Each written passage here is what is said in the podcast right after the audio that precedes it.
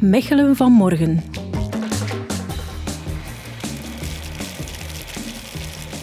De fonteintjes hier op de botermarkt zijn een fijne plek om even te pauzeren of voor kinderen om in te spelen. Maar de mooie waterpartijen waar ze in overgaan, daar hangt een hele geschiedenis aan vast. Om dat verhaal uit de doeken te doen, ontmoeten we hier Peter. Ik ben Peter Kokelare. Ik ben projectcoördinator publieke ruimte voor de stad Mechelen.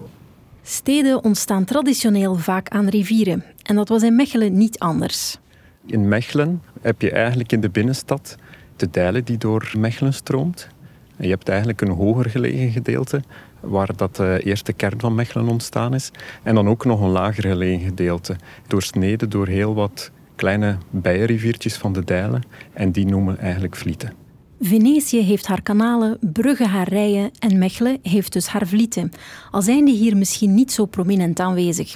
We zijn hier natuurlijk nog een eindje van de zee verwijderd. Maar toch... De Dijlen in Mechelen is nog altijd een getijde rivier. Dus hier speelt eigenlijk nog altijd eb en vloed. Er kan tussen eb en vloed een viertal meter verschil op zitten. Nu, in het einde van de 19e eeuw was er ook wel nog altijd een overstromingsproblematiek in de binnenstad. En heeft men eigenlijk de omleidingsdijlen gegraven. En de binnendijlen met sluizen dan afgesloten.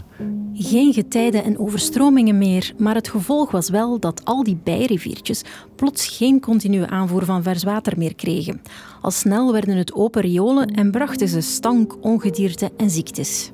Ja, een tiental jaar nadat die beslissing genomen was, heeft men dan eigenlijk ook de beslissing genomen om al die vlieten te gaan dempen of dichtleggen. Tientallen jaren lang werd het water geweerd en overkapt en deden enkel de straatnamen nog vermoeden dat er water onder je voeten stroomde. Langzaamaan groeide toch het besef dat een stad niet enkel groen nodig heeft, maar ook nood heeft aan blauwe ruimte. De voordelen zijn legio. Het zorgt voor een waterbuffer bij regenval. Het draagt bij aan de biodiversiteit. Er is het afkoelend effect. En natuurlijk is het ook gewoon leuk om naast te wonen. En dus zijn de Vlieten aan de revival begonnen. Het is zo, wanneer dat eigenlijk in die binnenstad, in dat lager gelegen gedeelte, wanneer dat er een wegenisproject van de stad of een privaat woonproject plaatsvindt, ja, wordt er telkens gekeken of dat project ligt op een locatie waar dat ook eh, een historische vliet aanwezig was. Wanneer het dus enigszins haalbaar is, wordt het water weer opengelegd en fraai ingericht. Eerst aan de Melaan in 2005 en later ook op andere plekken, zoals hier aan de Botermarkt. En als het technisch toch niet mogelijk is, als het water niet opengelegd kan worden, wordt soms in de materialisatie aangegeven dat er ooit een vliet aanwezig was.